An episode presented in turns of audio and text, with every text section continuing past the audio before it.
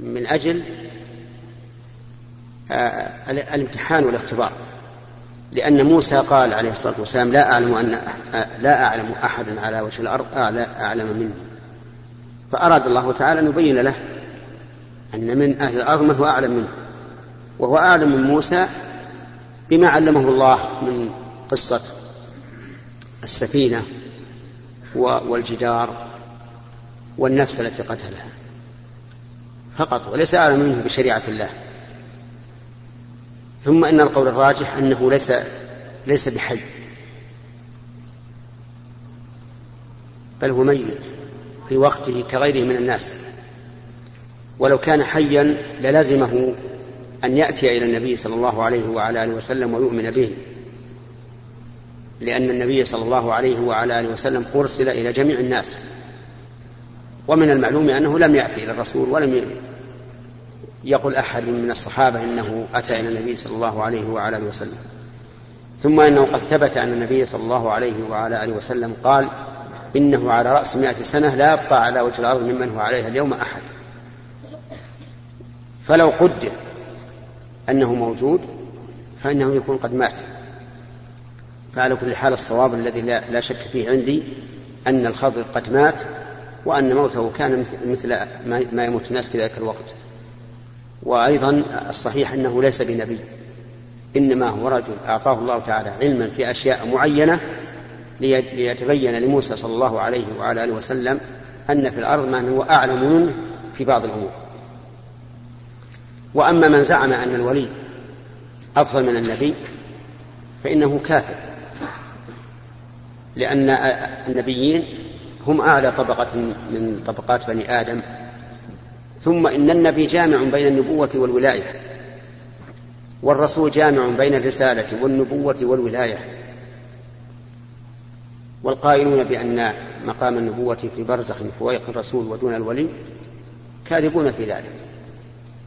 فأفضل طبقات بني آدم هم النبيون وعلى رأسهم الرسل وعلى رأس الرسل أولي العزم الخمسة ثم بعد ذلك الصديقون ثم الشهداء ثم الصالحون. من هنا؟ نعم. شيخ. في مسألة السلام مع الكفار بعضهم يذكر أن هذا كفر مطلق. أنه إيش؟ أنه كفر مطلق. اللي هو؟ السلام مع الكفار. السلام معهم؟ إيه؟ ولا عليهم؟ السلام عليه. إيه؟ يعني يعني إذا سلمت على كافر فهو لا لا معاهدة ها؟ معاهدة معه ها. الصلح الصلح. بعضهم لا نعم. يا أخي هذه المسائل يجب أن الإنسان يتكلم فيها بعلم. يجب أن يتكلم فيها بعلم. وتعلمون أن الرسول عليه الصلاة والسلام عاهد قريش عشر سنوات. حتى نقضوا العهد ثم غزاهم ففتح مكة. والصلح مع مع مع غير المسلمين ذكر أهل العلم أنه يجوز عند العجز عن قتالهم لكن منهم من قيده بعشر سنوات ومنهم من قال إنه يجوز غير مقيد. ثم إذا حصل للمسلمين القوة فحينئذ يغزون الكفار إلى أن يسلموا أو يبدأ أو يعطوا الجزية عن يد وهم صغيرون. ومثل هذه الأشياء يجب أن الإنسان يتكلم فيها بعلم لا بعاطفة وإلا فنحن نكره الكفار كلهم.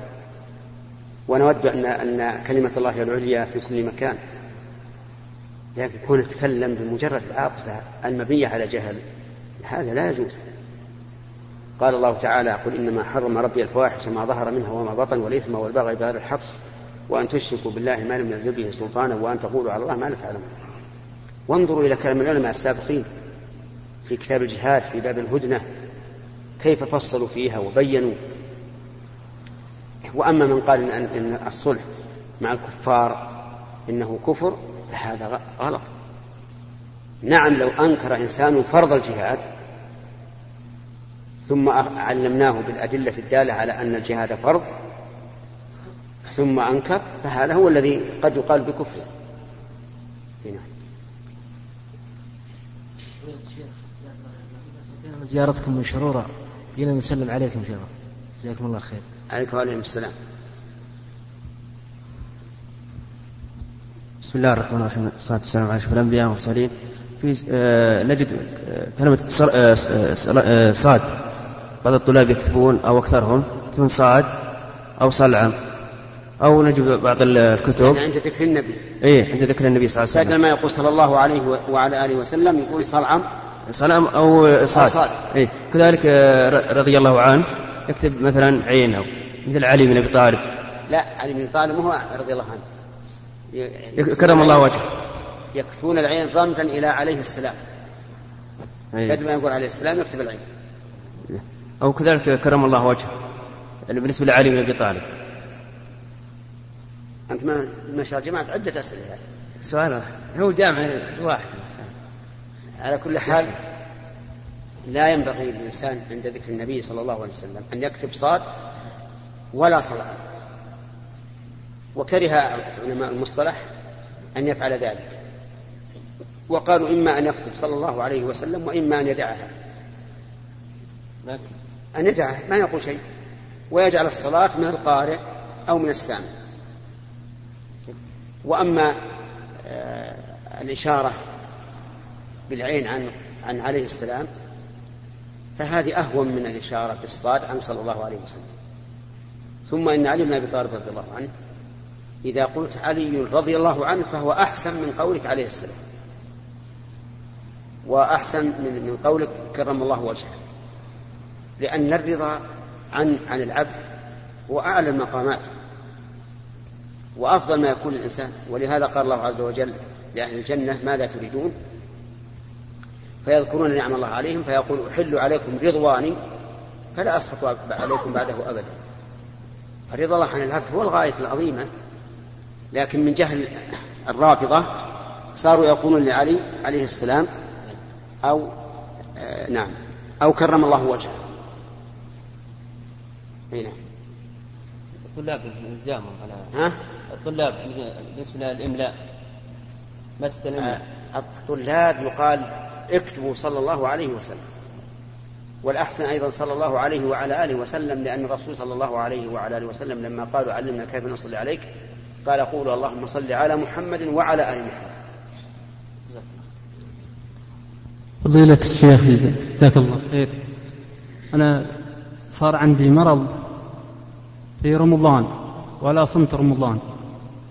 وباك تفيدني فادك الله. إلى الآن ما صمت رمضان إلى الآن؟ لا صم شهر واحد. هو اللي مرضت فيه. أي أقول ما قضيته حتى الآن؟ ما ما قضيته ما قضيته؟ لا.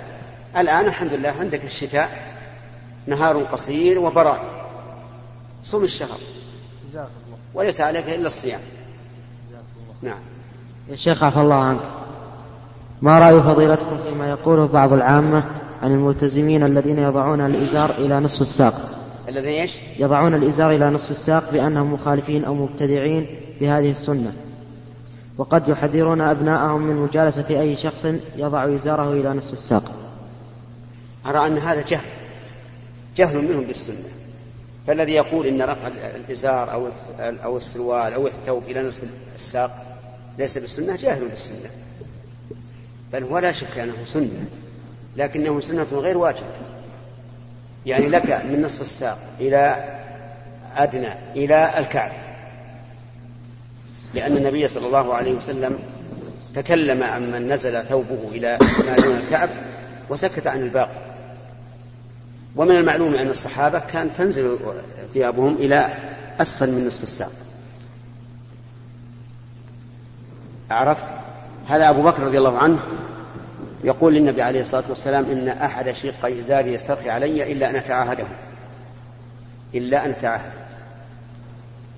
ولو كان إزاره إلى إلى نصف الساق لكان لو, لو نزل إلى إلى الأرض لبدت عورته. فدل هذا على أن الصحابة رضي الله عنهم يلبسون هذا وهذا. والناس في هذا ثلاثة أقسام. قسم متشدد. يرى أن هذه علامة المؤمن وأن من لم يكن ثوبه إلى نصف ساقه ففي إيمانه نقص. ومنهم من على ضد ذلك. يرى أن نصف الساق أنه شهرة وأنه لا ينبغي وربما أنكر السنة كما قلت في هذا السؤال ومنهم وسط.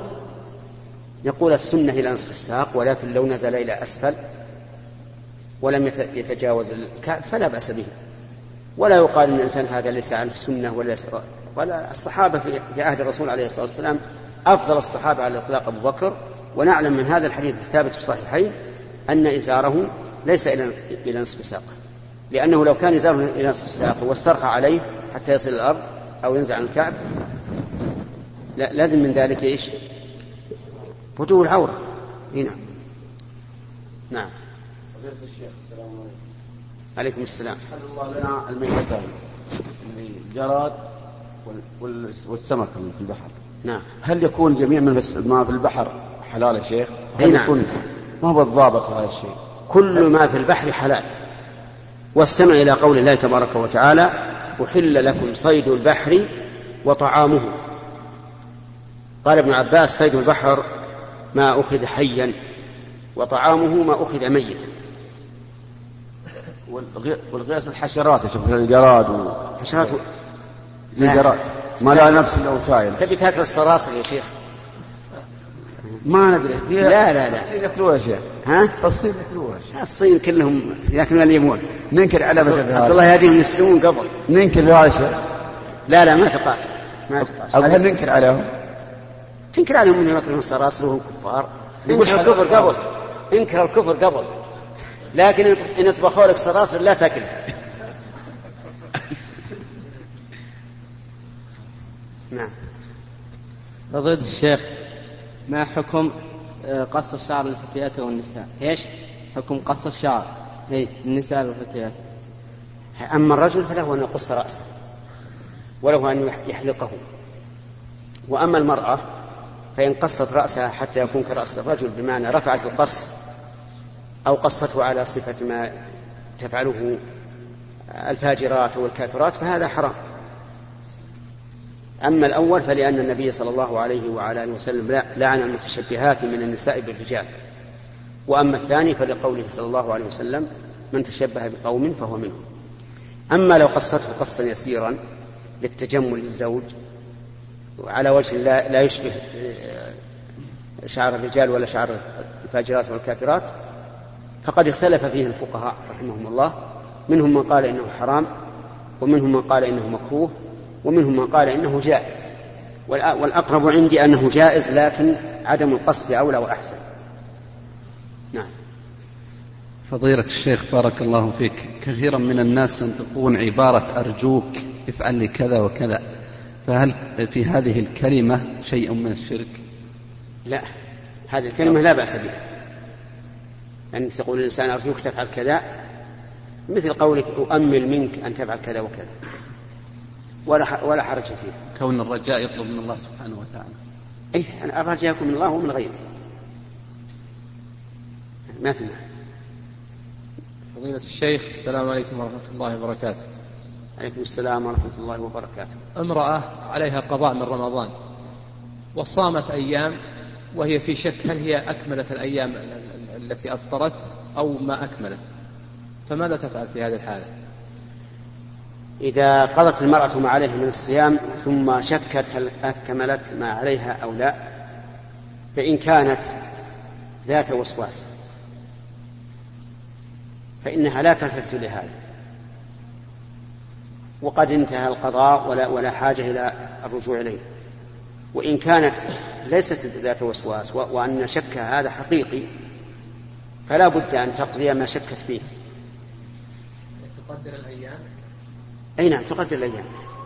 لكن ما لم تكن ذات وسواس لأن صاحب الوسواس نسأل الله العافية لو طاوع نفسه وأتى بما شك فيه آه، جلبت له شكا آخر. نعم. فضيلة الشيخ واسم اللبل في الوجه بالنار. واسم اللبل في الوجه بالنار هل هو حلال أم حرام؟ لا لا يجوز أن توسم البهائم في وجوهها. لحيث أنه يفرق بين الجبال لا يعرفون حلالهم بهذا الوسم القبائل بارك الله فيك يجعلون الوسم الخاص بهم إما على الرقبة وإما باليد المهم مكان آخر غير الوجه. جزاك الله.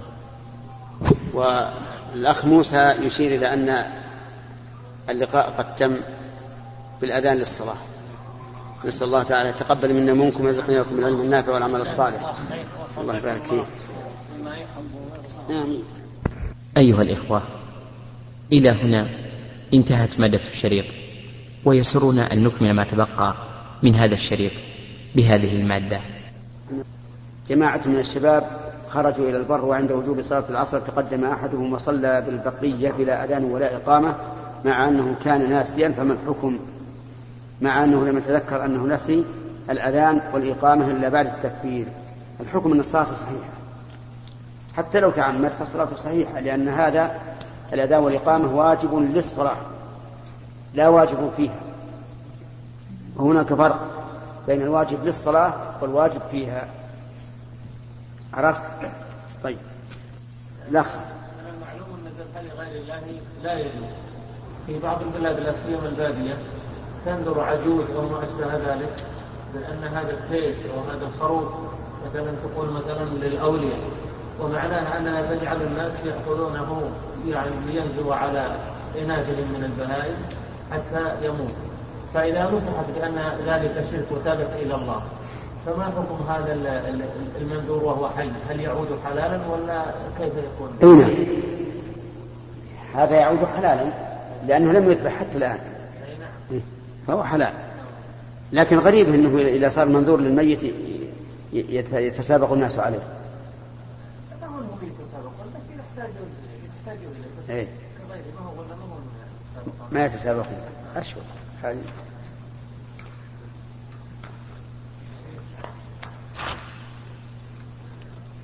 انتهت الأسئلة سعيد إذا نذر رجل أنه إذا فعل ذلك المحرم فعليه نذر لله أن ينحر ناقة كأن ينذر أن أي نعم.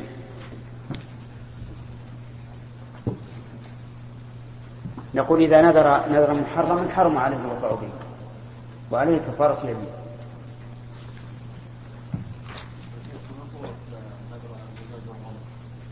وهذا يقول أم نايف ما حكم التداوي بدم بعض الطيور وهو ما يسمى بالغرنوق حيث يصاد بعد ذلك ويذبح بسرعة ويعطى دمه للطفل المصاب. أولا لا يجوز أن يتداوى الإنسان بالدم شربا لأن الله حرمه في كتابه حرمت عليكم الميتة والدم. وأما مسحا من خارج الجلد فإن ثبت أنه نافع فلا بأس لكنه عند الصلاة يغسله. وإن لم يثبت أنه نافع فلا يجوز. وهذا يقول عبد الله الأسيد نعم. لقد نويت شراء سيارة من شركة بمبلغ وقدره على أقساط شهرية تبلغ 120 ألف. ها؟ 1200 ريال. فأتاني شخص وقال خذها باسمك وتنازل لي عنها. بنفس القيمة وأزيدك بالقسط 300 ريال. فما حكم هذه الزيادة؟ حكم هذه الزيادة بعد ما بعد ما تشتريها تبيع عليه من جديد. لأنه لا يجوز أن يبيع الإنسان شيئا قبل أن يتملكه. ها؟ إيه؟ لا تكتب باسمه هو عقد جديد. اي نعم. هذا علي القحطاني. علي القحطاني. نعم. ما حكم النفس عند النوم في النهار؟ هل هو كما في الليل أفيدونا أم هناك حديث يخص أو أنه يقول الليل؟ الظاهر أن أن هذا خاص في الليل فقط. يقول قلنا يشترط في المستشار أن يكون أمينا وأن يكون ذا رأي وقلنا إن الأمانة لا تكون إلا عن دين. فهل يعني ذلك أننا لا نستشير أحدا من أهل الكتاب؟ وخاصة إذا كان معروفا بالحكمة لقول النبي صلى الله عليه وسلم الحكمة ضالة المؤمن أن وجدها فهو أحق بها. إذا استشرته فيما يتعلق بأمور الدين فهذا لا يجوز. أما في أمور الدنيا فهو أمين. إن كان أمينا وإذا إذا لم يكن أمينا ما استشار ما حكم؟ هذا آدم محمد علي. ما حكم من يأتي؟ من من يأذن للجن؟ بسم الله الرحمن الرحيم. خذ الورقة. ما حكم من يأذن للجن أن ينزل على زوجته؟ ويخبرون الأخبار بواسطة تلك المرأة وما حكم ما تأخذ هذه المرأة من الجن مكافأة لنزولهم عليها ضيوف يعني ولا شنو؟ ينزلون على المرأة ضيوف عجيب ضيف وش ضيفه؟ وش ضيفه؟ الجن إذا أراد ان ان يخبر للناس يعني أحوال الغيبية. إي نعم. يستعجلون للانسان يقول للرجل أريد أن أنزل ضيفا على زوجتك فيقول نعم. إي نعم بعضهم يوافق وبعضهم لا يوافق. نعم. إذا وافق الزوج أن أن ينزل الجني على امرأته ضيفا فما الذي تضيفه؟ لا ما تضيفه ما هي ما طيب أكل ولا شرب؟ لا ما ما تعطيه أكل ولا شيء يعني ينزل عليها ويخبر الأخبار. ها؟ ها يتلبس بها. نعم. يدخلها يعني. لا ما يدخلها. ها. لا يقول يقعد على الكرسي. يقعد على الكرسي. ينزل عليها الجن يعني. ينزل عليها كالكرسي يعني. ها؟ يتكلم على لسانه لا ينزل عليها كأنه كالكرسي. الناس إذا أتوا بأشياء يحطون عندها ويأخذها. الجن. وثم يخرج من البيت. لكن الجني منفصل عنها. إي نعم منفصل عنها. جالس على الكرسي. لا جالس على المرأة ها؟ يجلس على المرأة نفسها على المرأة نفسها المرأة تخبر أنها يعني كأنه كأن ثقلة يعني. كأن- كأنها كرسي كأن كأنها كرسي له. الله. ها؟ حجرها. لا لا مو على راسنا لا. كان هي يعني تضطجع وتجلس عليها. أحيانا تقول أنها تجلس على رجليها وأحيانا تجلس على ظهرها. ما سمعنا بهذا. هو منتشر في بلاد عجيب والله. والجن يخبرها بالأشياء البعيدة وال... الناس يأتون إلى تلك المرأة ويسألون عن أشياء. يعني واحد إذا كان مريض يسأل عن مرضه وإذا كان له غيبة يعني شيء ضاعف يسأل عنه. وتخبره. إيه. سبحان الله. طيب وش وش صلتهم بالمرأة؟ والناس الذين يأتون يعني يعطون لهذا الجن أشياء مبلغ من الفلوس والدراهم يعطون المرأة لا إيه نعم يحطون عند عند المرأة مم. فيأخذها الجن ويعطيها الجن وين يروح؟ نعم وين يروح بها الجن؟ إيه يذهب به إلى لا ندري على كل حال أنا أنا أقول لماذا جاء الجني لهذه المرأة؟ هل هناك مثل وسيلة أنها تذبح مثل الجن أو تدعو الجن أو ما أشبه يعني لماذا جاء إلى هذه المرأة؟ أحيانا ما يعني بعض بعض النساء تمرض مرض شديد يعني مدة سنوات تستمر معها. ثم بعضها تذهب إلى الجن. يرحمها الجن وي- ويأتي تذهب إلى الجن وتسأل عن مرضها. وبعضها حين ذاك يقول أنك يعني مرضك من قبل الجن. لابد أن يأذن لنا. يعني زوجك وننزل عليك ويعني والله هو ال- الشيخ الإسلام رحمه الله قال لا بأس بالاستعانة بالجن بشرطين. أن لا يكون الطريق محرما وأن لا يستعين بهم على محرم. أن لا يكون الطريق محرما يعني بحيث لا يذبح لهم أو يشرك أو يشرك- يشركهم مع الله عز وجل. وأن لا يستعين على محرم مثل يقول أنا أريد أن أن تتلفوا مال فلان أو تحرقوا مال فلان أو تقتلوا دابته أو ما أشبه ذلك. الذبائح ها؟ الذبائح يذ- يذبحون. يذبحون لا- للجن. إيه يأمر الجن الإنسان ويذبحون إلى هذا حرام هذا شرك. لا يجوز.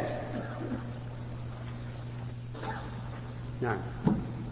يقول إذا علمت الزوجة بوفاة زوجها بعد بعد. ها؟ خمسة أشهر فهل تعتد؟ الجواب لا. لا تعتد لأنه فات محله وابتداء العدة من وفاة الزوج لا من علم الزوجة. وكذلك في الطلاق إذا طلقها فابتداء العدة من الطلاق لا من علمها. وهذا إبراهيم السليمان النجار و... إبراهيم بن سليمان. إيش؟ النجار. يقول من المعروف أنه أنه ثبت الدعاء في الركوع بقول سبوح قدوس رب الملائكة والروح. وقول سبحان الله سبحانك اللهم ربنا وبحمدك اللهم اغفر لي. فهل تجزئ هذه الألفاظ عن قول سبحان ربي العظيم وبحمده أن يقتصر عليها فقط؟ الجواب لا. لا بد من قول سبحان ربي العظيم. لا لأنه ورد عن النبي عليه الصلاة والسلام أنه لما نزل قول الله تعالى قول الله تعالى فسبح باسم ربك العظيم قال اجعلوها في ركوعكم. وهذا وإن كان فيه مقال حديث لكنه ثبت أنه صلى الله عليه وسلم كان يقول سبحان ربي العظيم فيؤيد هذا.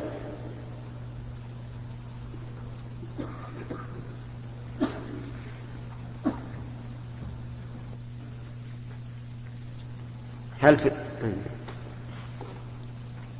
هل في الوجوب تحري القبلة لسجود الشكر؟ إيش هذا؟ هل في الوجوب؟ وش معنى السؤال؟ هل يجب استقبال القبلة في سجود الشكر؟ إي نعم. الذي يظهر لي أنه لا بد من استقبال القبلة في سجود الشكر وفي سجود التلاوة. سواء قلنا أنها صلاة أم لم نقل. ويرى بعض العلماء أنه لا يجب استقبال القبلة في سجود التلاوة وسجود الشكر لأنها ليست بصلاة. هل يجزئ الغسل عن الوضوء؟ نعم إذا كان الغسل عن جنابة يجزئ أما إذا كان تبرد فلا يجزئ والدليل على هذا قوله تعالى وإن كنتم جنبا فاطهروا ولم يذكروا وضوءا أما إذا كان التبرد فليس عبادة ولا يمكن أن تجزئ العادة عن العبادة. نعم إذا كان تبرد صار تبرد يجب عليه أن يتوضأ. غسل الجمعة ما أظن يجزي عن عن الوضوء. لأن غسل الجمعة ليس عن حدث. والدليل على هذا أن صلاة الجمعة تصح وإن لم يغتسل حتى على القول بالوجوب. سم. أما صحيح أم لا بد من اللحم؟ يرى بعض العلماء أن ذلك صحيح للضرورة. وهذا يقول سليمان الخزيمي. يقول بعض بعض المؤذنين يمدون يمدون فتحة الباء من الله أكبر حتى تصل إلى حد الألف فتكون الله أكبر. فهل هذا جائز؟ وهل معنى ذلك؟ نعم. هذا ليس بجائز. يعني لا يجوز أن يقول الله أكبر لأن المعنى يتغير. فإن أكبار يقولون إنها جمع كبر كأسباب جمع سبب. والكبر هو الطبل.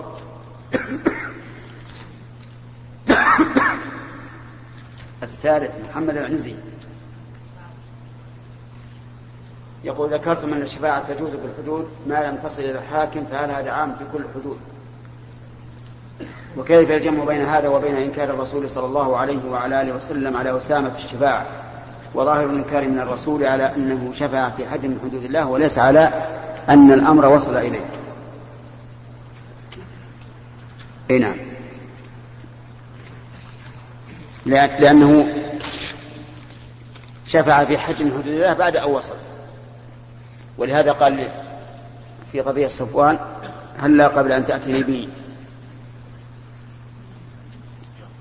ها؟ طيب. لا اللي عندي عليه. عليه أن يذبح تلك الشاة بعينها وتكون كالأضحية إذا تعينت. أي أن يضمنها إذا تلفت بعد تعد منه أو تفريط وإلا فإن النذر يسقط. في نعم إذا عين شيئا في النذر تعين.